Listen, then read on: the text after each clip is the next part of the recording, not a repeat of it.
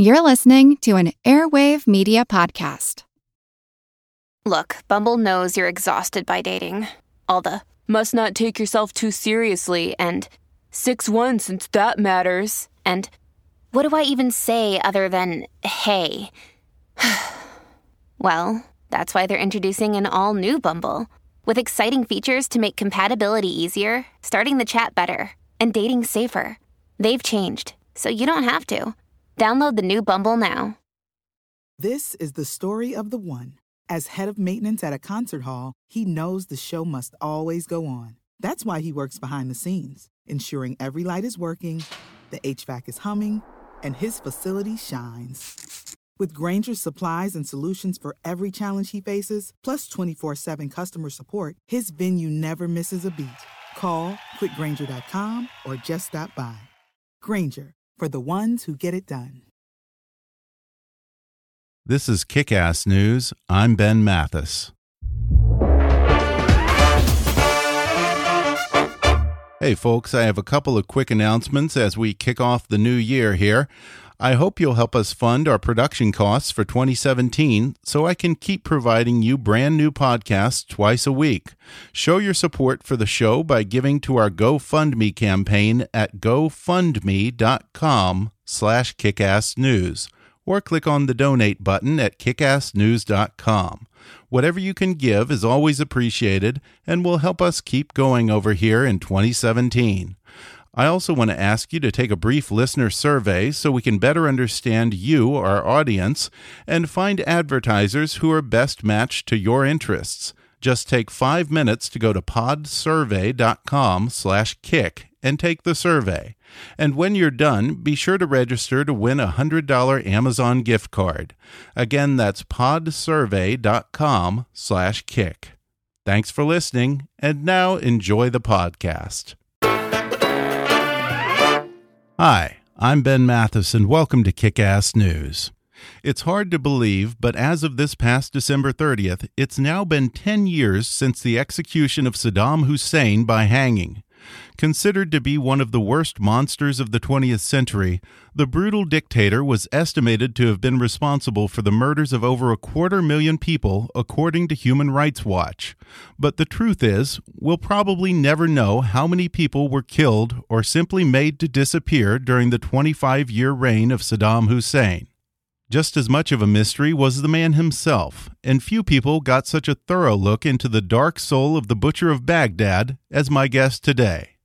John Nixon was a senior CIA analyst from 1998 to 2011 who had spent years studying the Iraqi dictator when in 2003 U.S. Special Forces finally caught up to him, and Nixon was called in to positively identify Hussein.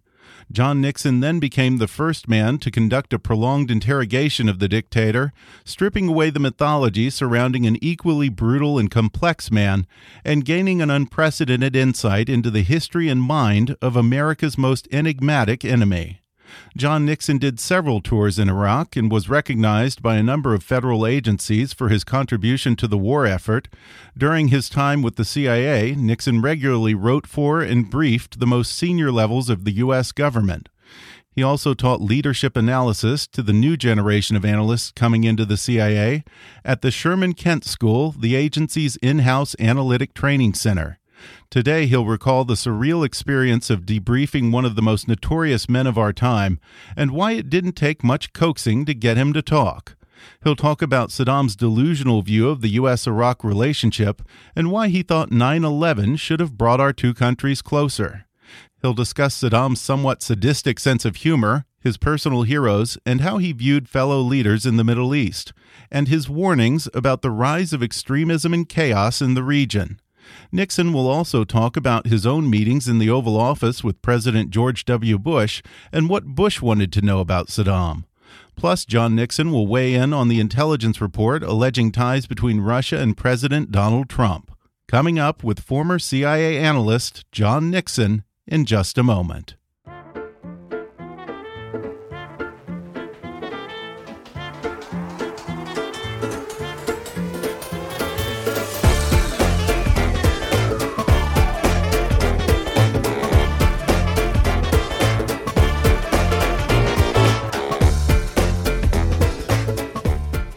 I'm talking with John Nixon. He has a new book called Debriefing the President The Interrogation of Saddam Hussein. Uh, Mr. Nixon, thanks for joining me over the phone. Oh, thank you for having me. I enjoyed the book. It certainly showed a side of Saddam that I hadn't seen before. Um, I'm curious, how did you end up getting this assignment to be the guy who identified and interrogated Saddam when we captured him? For years, I had studied Saddam Hussein uh, at CIA headquarters um, I was a leadership analyst there, and uh, that was my primary responsibility to sort of try to understand who he was and convey those impressions to policymakers. Uh, subsequently, I was asked to go out to Baghdad to serve as the HVT 1 analyst. Uh, HVT 1 being Saddam's designation, uh, stands for High Value Target Number One. Uh, I did that, and subsequently, the Special Forces captured him, and I was sent out that night to make sure that in fact, they had indeed picked up Saddam Hussein. At the time, we thought that he had all these body doubles. Um, what did you look for, or what did you have to ask him to verify that this really was Saddam Hussein? Well, everybody seemed to think there were body doubles, and that was one of the most persistent myths about Saddam. In fact, today, even today, people still ask that question: Were there any? Um, there weren't any. What I needed to do was see if I could identify him through any sort of physical characteristics. And also, I came up with a series of questions based on unclassified and classified information that I felt only he could answer. And uh, to be quite honest with you, um, I fulfilled the, the, that function, but the minute I saw him, it was really unnecessary because the minute I saw him, I knew it was him beyond a shadow of a doubt. What was it? Just the way he carried himself, or or the way he looked? Just on appearance alone. You you, you look Really? at somebody for years on videotape and in pictures, and then all of a sudden one day they're sitting three feet away from you, and it, you, there's just you just become 100% certain. Uh, there was just simply not a shred of doubt in my mind that it was Saddam who was sitting there. Then there were these stories that he had all of these body doubles. Turned out that that wasn't true, huh? No, no, it, it was um, an urban myth that had grown up for many, many years. And to be quite honest, I think Saddam helped contribute to it uh, because it added a, a layer of mystery to himself and also kept his enemies off balance because they could never really be sure who they might be targeting. I even asked him about this, and he just laughed. He said, "Of course there weren't any." You know, he made it kind of a joke out of it, though. At first, he said, "Well, how do you know that I'm not the body double?" And you know, you've got the wrong guy, and the real Saddam Hussein is out running around free. And then he laughed, and then he said, "No, no, no. There's there's only one me." and once you identified him, you weren't given too much time to actually conduct a proper interrogation. Uh, what was the rush from your superiors? Well, I think I think catching Saddam alive caught people in Washington by surprise. They shouldn't have been because we had often told them that Saddam was a survivor and that he would be probably caught alive uh, if he wasn't initially killed by by somebody in the uh, in the takedown. Um, but we we at the CIA, I mean, we're given the charge uh, of debriefing him until the FBI got out there to take over from us, and we were told to find out whatever we could to keep him talking. So we were given a very short time. We never really knew how long we had with him, and I think largely um, Washington really had only one question uh, that it it wanted answered, and that was where did he hide the weapons of mass destruction? Not did he have the weapons of mass destruction, but where did he hide them? And Yeah. that was almost, uh, you know, as it turned out, that was a non-starter from the beginning. Yeah, and you said it wasn't hard to get him to talk. Apparently, Saddam Hussein was kind of a chatty Cathy, right? Uh, Saddam liked to talk, and he liked to talk about himself. He, in that sense, he, he was uh, very much the narcissist that we, we believed him to be.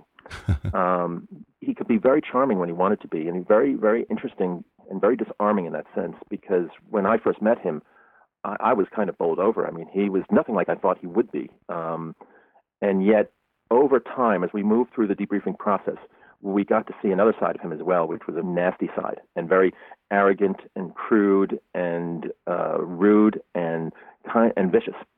What subjects did he like to talk about? Well, he loved to talk about history. He liked to talk about anything that happened hundreds of years ago, and he loved to talk about his role in, especially his role in Iraqi history. and to display his role in Iraqi politics and how he changed everything for the better. Talking to Saddam was sort of like reading a bad Washington memoir. He sort of took credit for any of the good things that may have happened under his regime and never really accepted any blame for anything bad that happened. Anything bad that happened usually was somebody else's fault. And what were the topics that would get under his skin? Oh, God. Um, human rights abuse, mm -hmm. weapons of mass destruction, and where they were the Shia, uh, some of the things that had happened to the Shia under his under his regime. Mm-hmm. Uh, those were the things that really, really kind of annoyed him, and where he would really sort of get his back up and and treat you as though, how dare you ask me about these questions? Yeah, you know, I am Saddam Hussein, president of Iraq. Who are you? that's what he that's what a lot of times he would say. And you said that there was one particular moment when he really blew his top when you asked about his 1988 chemical attacks on Kurds in Halabja. Um, what was his reaction to that? Oh my God, he really he I had he he wouldn't answer questions about it. So I maneuvered. I started talking to him about the Revolutionary Command Council, which was the highest governing body in in Iraq, where all the decisions were made. And so I got him to a position where he said, yes, I was in charge of the RCC, and yes, I, I what I said they listened to, and and that's when I brought back I went back to Halabja at that point, and he realized I had kind of backed him into a corner.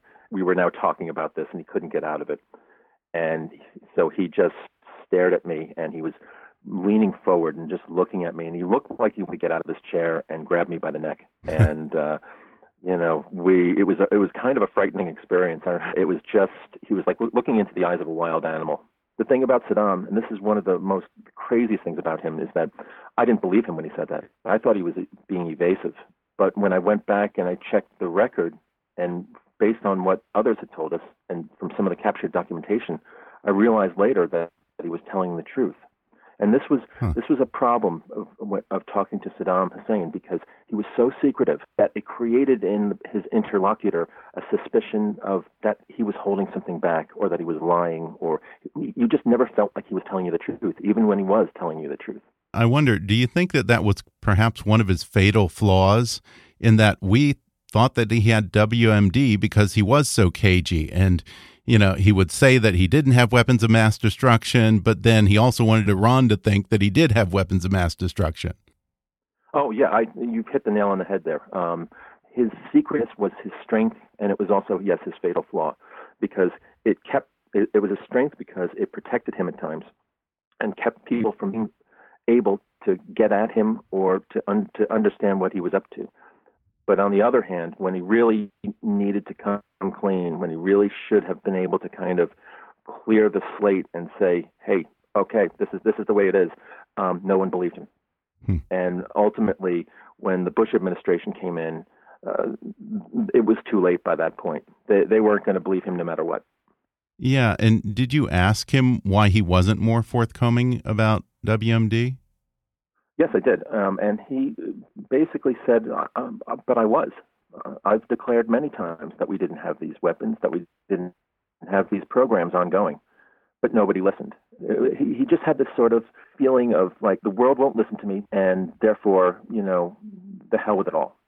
Um, he said that he did tell the international community that he didn't have these weapons and, and or weapons programs, and that one of the things that he was most concerned about in terms of the international inspection process was that not only were they looking for any sort of ongoing programs, but they were also delving into investigating his military apparatus, investigating his regime security, uh, that the the the UNSCOM process, the the UN investigators that came to look for the weapons, were was infiltrated by um, hostile intelligence services, and that they were sharing, they were they were basically digging up information and then sharing it with his enemies.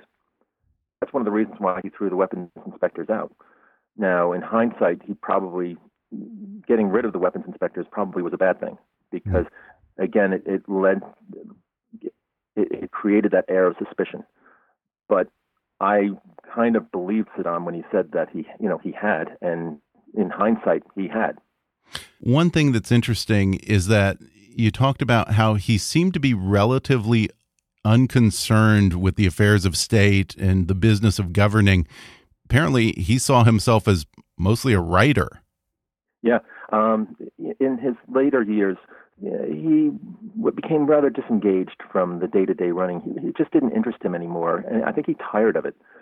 And he wanted to spend more time doing other things, and yet still retain control of the government. And uh, yet he was very, um, you know, he was very interested in his in developing his writing skills and becoming a great writer. Uh, and uh, you know, it, one of the things at the at CIA, uh, in, in, looking at Saddam Hussein and trying to sort of understand who he was and what was going on, that many of our sources of information had dried up because we were not permitted. We we had no official presence in that country, and the picture that we had developed in the 1980s and the 1990s still continued to be the picture that we had of him, and yet there was there were one or two instances where we would get this, we would get kind of reporting about him being disengaged, but we didn't believe it.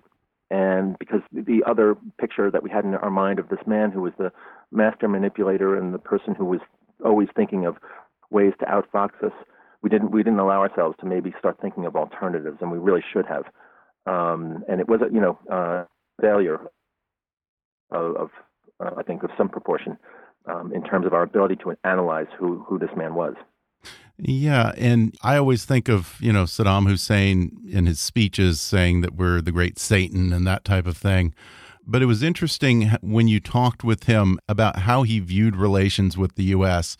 Um, it sounded like he had a difficult time comprehending why the U.S. and Iraq weren't better allies, right? Yes, he, uh, you know, can kind of understand why he was confused by us. He was not a, a very well educated man, and he didn't have he never really traveled much, mm-hmm. and Washington politics just really confused the hell out of him. And he thought that one of the things that was most interesting that we discussed was the reaction to 9/11, yeah. and he thought that the United States had to see that Iraq didn't threaten them, threaten the United States, and Iraq had no had no to play in the 9/11 attacks, and he had completely misinterpreted the Bush administration's response to 9/11. Uh, the Bush administration immediately was looking for linkages to Saddam Hussein, and he, he was very much he was very much on their on their radar screen. It had been before, but now it was it was lethal. And uh, you know, to be honest, uh, Saddam kind of went through this period in the 80s where, you know, we had established relations and we had an embassy, and he thought things were going well. And then around 1986, and the disclosures from Iran Contra, I think, very much upset Saddam Hussein, and that's what sort of set this path of distrust and ultimately war, because Saddam Hussein saw the United States double dealing on him and dealing with his Iranian enemies and giving his enemies weapons, and also discussing this the Iranians one of their aims in dealing with the Americans was that they wanted help from the United States to overthrow Saddam Hussein, and uh, the, uh, the I mean the Iraqis were furious over this. It's not. It's in, in the United States. Nobody really cares. Like nobody even knows about this. Nobody. Yeah. Even, it was sort of buried in the Tower Report Commission. But in Iraq, it was Saddam Hussein took notice. Yeah, yeah. I think that you said in here that two of the biggest things that would get a rise out of him were talk about Iran and talk about uh, Israel or Zionists, as he would call them. It's not like like when we talked about human rights abuse, for example. Mm. That got him riled up in a certain way. That got him very indignant. Talking about Iran and talking about Israel um, got him riled up, but more in a, a, way that he was.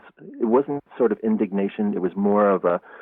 Um, it would produce a long discourse on why Iraq was better than these countries, why Iraq wanted peace, and they're the countries that wanted war all the time, and it was more of a political. Uh, um, diatribe. Um, but yeah, when we talked about Iran, he really, really hated the Iranians, and he felt that you know the Iranians you just can't trust them, uh, and that they were they want to lead the Islamic world, and that they they don't have that right, and they've never earned that right. and he was going to prevent that from happening. And he did have a very large Shia population, and when I would ask him about that, he saw these people not as Iraqis but as Iranians. And that was one of the first times I encountered that that mentality. And then subsequently, I was in Iraq for for many years, and talking to some Al Qaeda and Iraq people that we had captured, and they felt the same. It's like, no, the Shia are Iranian. They're not. They're not Iraqi. I think that he was somewhat prescient in that he was a Sunni, but he seemed to be more afraid of the Wahhabist Sunnis than of the Shias in Iraq. Yeah, yeah. The, you know, the Shia he could the Shia he could understand, and he could also isolate them. But when it came to the extremism that was emanating from Saudi Arabia and infiltrating itself into countries like Iraq, um, that was a different threat altogether because if allowed to take root, they could spread into among the tribes to his Sunni power base, mm-hmm. which would really uh, uh, then erode his his power from within. But I think he was he thought that it was much more of a threat than than the United States or Iran posed to his regime stability.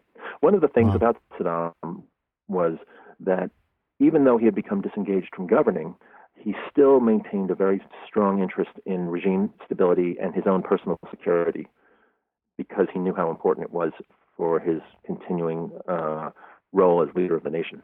We're going to take a quick break, and then I'll be back with more with John Nixon when we come back in just a minute.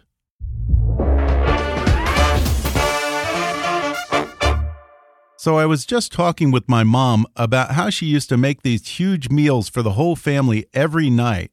But now that it's just her and dad, it's way too much food and hassle for just two people. But then she told me she's been trying Blue Apron. They send complete, easy to prepare meals with fresh ingredients perfectly proportioned out for the recipe and the number of people, so there's no waste. Moms are picky about food, they know what's good, and she says their meals taste great.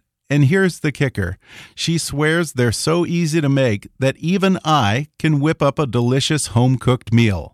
So I'm excited that I just placed my very first order with Blue Apron. It's going to arrive right on my doorstep. In fact, they delivered in 99% of the continental U.S. And let me tell you some of the meals that I ordered for January, and I can't wait to cook these seared pork chops with farro and cranberry chutney spaghetti squash and marinara with mushroom and garlic knots, spicy shrimp and Korean rice cakes with cabbage and furikake. I don't know what furikake is, but if it's from Blue Apron, I'm pretty sure it's going to be great.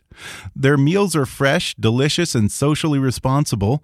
Their seafood is sustainably sourced. They use free range chickens and natural pork and regenerative farming practices for their produce, which makes you feel even better about using Blue Apron. So check out this week's menu and get your first three meals free with free shipping by going to blueapron.com slash kick. You'll love how good it feels and tastes to create incredible home-cooked meals with Blue Apron. So don't wait. That's blueapron.com slash kick. Blue Apron, a better way to cook. So it's a new year now, and there's no better time to launch an online business or expand your online presence for your existing business, and GoDaddy.com wants to help. GoDaddy's mission is to radically shift the global economy toward life fulfilling independent ventures, helping their customers kick ass by giving them the tools, insights, and the people to transform their ideas and personal initiatives into success. GoDaddy is the world's largest technology provider dedicated to small business and the largest domain registrar with over 62 million domain names under management and big savings over other registrars. Their award winning 24 7 support will help build your online business and give you everything you need to get up and running. Whether you have a new idea or an established business, the key to success online starts with a great domain name, and GoDaddy is trusted by 13 million customers. That's more than any other registrar. And right now, my listeners can get a special discount on a GoDaddy domain if you just use my offer code KICK30 at checkout to get 30% off new purchases. That's GoDaddy.com and offer code KICK30 for 30% off. You don't have to spend a fortune on a domain. Just go to GoDaddy.com and type in the offer code KICK30 at checkout for 30% off and launch your online business today. And now, back to the podcast. You said that at one point he said, quote, you're going to fail, meaning the US, you're going to fail and you're going to find that Iraq is not so easy to govern. Did he seem to have an idea of what we're experiencing right now with ISIS and chaos in the region? Or was that just bluster? No, no, no. I mean, at the time, I didn't want to. I didn't want to uh, I didn't want to give him the benefit of, say, of saying I agree with him, but our understanding of Iraq and of the Arabs was was not very good. Was not we didn't have a lot in terms of our ability to sort of create something or help the Iraqis create something that could take place of his regime. And we made so many mistakes and alienated so many people early on. It was very clear by the time of his capture. It was very clear that the war was not going well. I think that a guy like Saddam Hussein could see that instantly, especially once he had been captured. And, you know, just talking with some of the Americans already, I think he could sense that there was confusion and chaos. And certainly from sitting in his cell, he could he could hear bombs going off, and that that always told him that something was amiss. What was his opinion of his fellow leaders in the region? It's very interesting. We asked him who his favorite leaders were in history. Mm -hmm. And this was a topic that he really warmed to. He really liked it. And of course, he named uh, Lenin, de Gaulle, uh, George Washington, um, but he never named any other. He never named any Arab leaders. And huh. I think that Saddam always had a very negative view of Arab neighbors, but he especially had a negative view of the the next generation of Arab leaders, people like King Abdullah in Jordan and Bashar al-Assad in Syria. Um, he had dealt with their fathers and had, I think, a kind of a grudging respect for them. But the next generation, he had a very, very dim view of, and he himself, I think, was grooming his son Qusay to someday take over for him. Um, but uh, that was something that never really had a chance to take root. Yeah. Did he talk about his sons or his family much? Uh, we talked to him a good deal about about the family, and initially, um, he, he didn't want to talk about the women in his family he, he would say, you know, we have a saying, the women are separate, and we just don't talk about them. And mm-hmm. we said Saddam, we we have to. So we did, and it was the only time saw you know any emotion was when he talk, was talking about his two daughters, Rana and Raghad, and uh, he just kind of choked up a little, and it was very very interesting. Um, but his two sons, he said, uh, you know, he was very proud of them, and he uh, that they died like heroes when that exactly wasn't the. I mean, they died holed up in a, sheikh's uh, a sheikh's palace in Mosul. We, uh, we got to a point where we were talking about the sons, and particularly about Uday, who was uh, uh, the older boy, and I think Uday had had had uh, disappointed his father a, a great deal. Um, Uday, one of the things that we we didn't fully understand was the, the level of um, substance abuse that his son Uday was involved in, and just you know being completely out of it, just on drugs and cocaine and uh, and alcohol, and uh, you know, um, but Saddam never never uh, accepted any blame in terms of his parenting. You know, he just basically his attitude was, well, you can't you can't choose your family. You, know, you can't choose your sons. You know, you have them and then you, you deal with them. In your interrogations with him, were there ever any lighter moments with Saddam Hussein? Oh, several times, yes. He had a sense of humor. Every now and then he would make a sarcastic remark about somebody, or he would. Uh, one time we were talking about uh, this long discussion of his son in law, Hussein Kamel, who had was the former Minister of Defense, and then he had defected with his brother and Saddam's two daughters in 1995. They went to Jordan. They lived there for about six months and then came back and were killed by the regime and he was telling us all about uh, his various business enterprises and his corruption and and what have you. And uh, then I said, "Sounds like a bad guy." And Saddam said, "Well, now you know why he is where he is." And there were also some anecdotes where he would talk about. Um, uh, he would tell funny stories, and, and one of the things that one of the, the, the things that all the stories had in common was they always ended up with somebody having harm inflicted upon them and with Saddam being the sort of person pulling the string. Um, and uh, and he and he laughed. He would just he would break up, uncontrollable laughing, um, kind of eerie to hear. Yeah, and wasn't there a moment where I guess he called you stupid or ignorant, and your polygrapher Bruce, who was working with you, had a pretty good comeback to that. What did he say? I was trying to kind of get at this, uh, uh, talk about his intelligence community, and I made up a storyline, and he just looked at me and he said, "Well, I can tell, I can tell that your intelligence is not very high." And then my, that's when my colleague Bruce stepped in and he said, "Oh, uh, you, you mean he's of low intelligence? You mean low intelligence like like taking your your Air Force and moving it to your neighbor Iran, that you hate and that you just fought an eight-year war with, and then expecting it to get to get it back?" Uh, you mean intelligence like that? And Saddam just he looked at him for a second with, you know, undisguised scorn, and then he just started laughing, and then he just uh, he held up his finger and he just he, he just said no, touche, meaning you know, okay, you got me there. Wow. Well, I wonder, was there any part of him throughout your conversation that seemed to think that if he could just put his actions in the right context or explain things, he might be able to talk his way out of punishment and and maybe who knows, maybe even be restored back to power if we just understood. He was always looking for some opportunity, some opening that would give him a chance to sort of insert some sense of I can work with you. Don't mm don't you know I don't need to be executed. I don't need to be tried. I don't know. You know, we can come to some sort of an agreement, especially after I left. Um, he he would do that with my my successor, uh, and he didn't think he was going to get anywhere with me because I talked too I talked too much about human rights abuse and asked him too many questions about that. And my my successor didn't you know wasn't really focused on that. He was focusing more on on on WMD and and that stuff. Um, but minds of the Bush administration were made up. Yeah. And certainly, once an Iraqi government was established with a Shia sort of in control of the government, um, uh, there was simply never going to be any any possibility of anything but uh, a guilty verdict and execution. What was your last meeting with Saddam Hussein like? Uh, it was it was it was a short one. Um, it was mostly done to introduce the uh, the person who's going to be taking over from me because I had to go back to the, to the United States. I we stood up and I said goodbye to him, and for the first time, I held out my hand first. You know, we uh, we had always made a point of not shaking his hand unless he put his hand out first, and this time I put my hand out first. And right before I did that, I, I told him, I said, "I'm sorry that we met under these circumstances, and uh, but I just I thanked him for participating in this dialogue."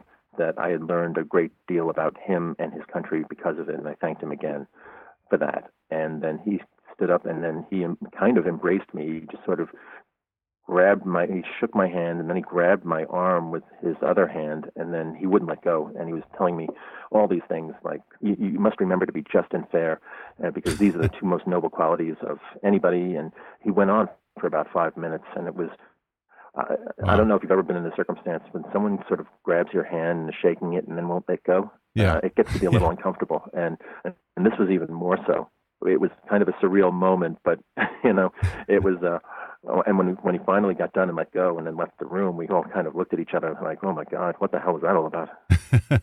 uh, after that, you were assigned to be an analyst uh, covering Muqtada al-Sadr, and during that period, you had several meetings with yeah. George W. Bush and Dick Cheney in the Oval Office. Uh, what did Bush want to know about Saddam? Bush was very interested in hearing about this. Uh, he wanted to know what kind of man he was. Um, he wanted to know, did he know that he was going to be executed? He had a couple of a couple other questions. It was really kind of weird. He basically he wanted sort of me to reaffirm what he already believed. It was kind of weird. Um, at, at the very end of my talk, he, you know, I was walking out and he said to me, the president said to me, he said, you know, hey, he didn't, he, he didn't mention where any of those uh, vials of anthrax were, you know, as a joke. And I, uh, you know, I just kind of said, no, no, sir. You know, if, if he had, you would have been the first to know. Yeah. Um, but I thought it was very inappropriate because, you know, we had already had thousands of men, women killed, and you know, this was just a war that was not going well. And I didn't think that was a, the time for humor. Um, but uh, you know, one of the things that was also kind of disturbing about this entire process was that in talking, I realized that al-Sadr had now become the new boogeyman uh, mm-hmm. in Iraq for the Bush White House. And when I tried to kind of tell the Bush, Bush and, and his national security team uh, about Sadr, they sort of dismissed what I was saying in the same way they had dismissed what we had said about Saddam Hussein. And it just showed me that they hadn't really learned anything from this entire fiasco. Do you think that Muqtada al Sadr might have been an uncomfortable ally, but a useful ally against ISIS? Well, I think um, Muqtada al Sadr potentially um, could become a useful, I wouldn't call it an ally. He never wanted to move close to the United States and had also found it very useful for his own political platform to, to become an enemy of the United States. We kind of helped make him who he was. But I think ultimately, uh, if he ever truly gets his act together, Sadr is still a force in Iraqi politics, but he, he hasn't yet emerged into the full blown potential that he could he could have. But um, I think that he could be a very very uh, useful person to have in Iraq in terms of trying to blunt the role of Iranian influence in that country. Mm-hmm. Very much anti-Iranian despite the fact that you know he he went to Iran, he fled to Iran in 2007 during the surge. He, he was never really comfortable there, and his father, who Muqtada seems to want to emulate in every facet of his being, was very anti-Iranian. So I think that he could be useful in, in those two realms. And let me make one more other point. Uh, yeah. Sadr has some potential in the sense that he does seek to be a national leader, and he does, and he has made attempts to, of outreach to the Sunni community, but they're marred by the abuses that his followers carried out against the Sunnis, especially during the, the time of 2005, 2006. So that's that's a big question mark. But as far as ISIS goes, you know, I think oh, the place to start might be in Syria and stopping the Syrian war, the civil war there, mm-hmm. and B, taking those areas in Iraq uh, and providing security and stability uh, to the people of the regions where ISIS sprung up. And that's a tall order because it's going to require the Shia led government in Baghdad having to do something for the Sunni community. And so long as there is this Sunni Shia divide in Iraq, um, and, and that so long as Iran leans on Baghdad to ensure that the Sunni community doesn't rise up, you'll you will always have the circumstances that that feeds this Sunni disenfranchisement and the Sunni sense that they are being turned into second class citizens and that they have no alternative but to turn to a group like ISIS.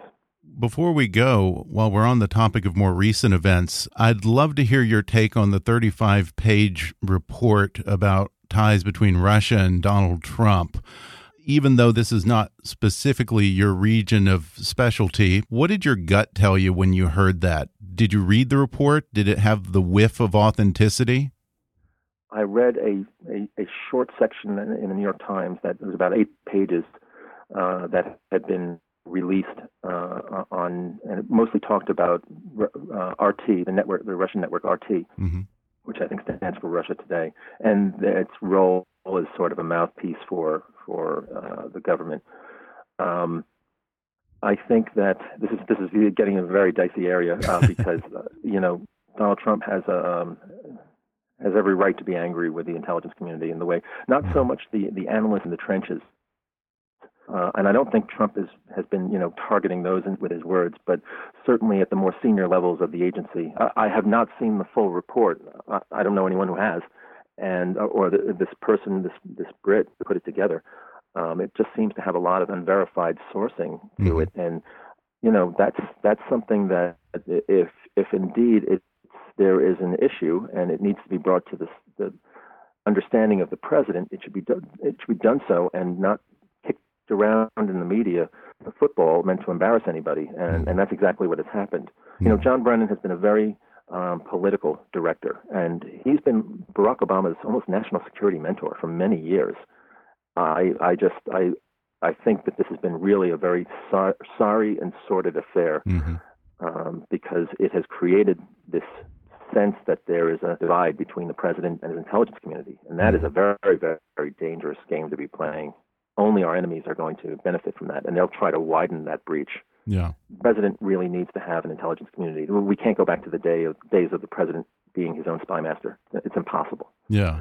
And and the, and the agency, the CIA, needs to have the support of the president. Well, do you have any thoughts on the new CIA director? I've heard a lot of good things about Mike Pompeo, and mm-hmm. I'm I'm kind of optimistic that this can happen.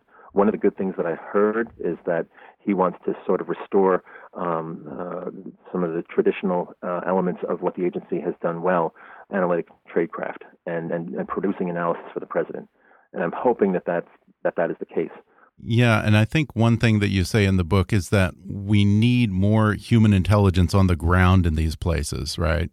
Oh, absolutely. One of the central uh, lessons I believe from the, the Iraq War is that not having an embassy, not having an official presence in a country does you no good because if you have an official presence, you, you have an ability to have a dialogue with the host government, an ability to talk to people on the street.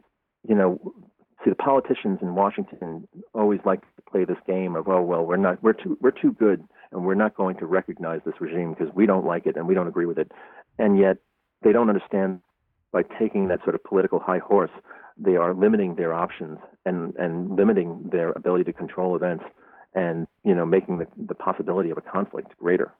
Yeah. And that's why I think like isolating countries like North Korea and Iran, mm-hmm. so it's time that those things end because you empower the hardliners in those countries who say, look, look at the United States. Look, they, they want to destroy us.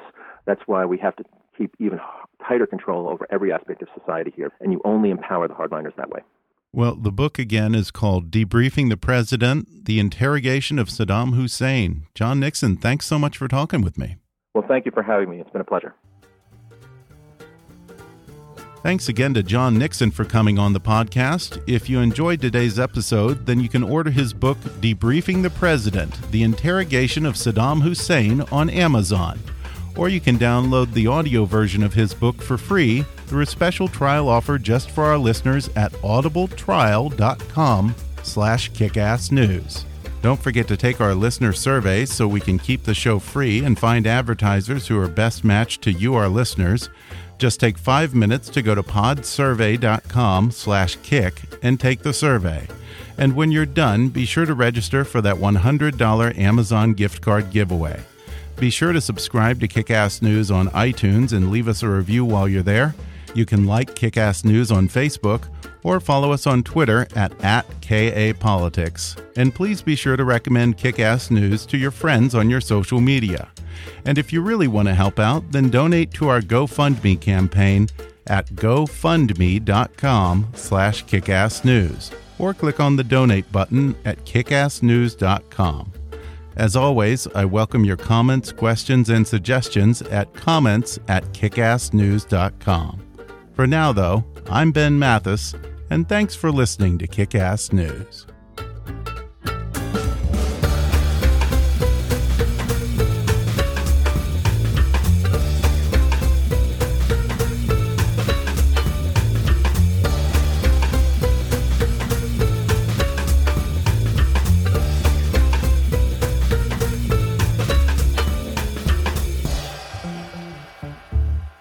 Kick News is a trademark of Mathis Entertainment, Inc.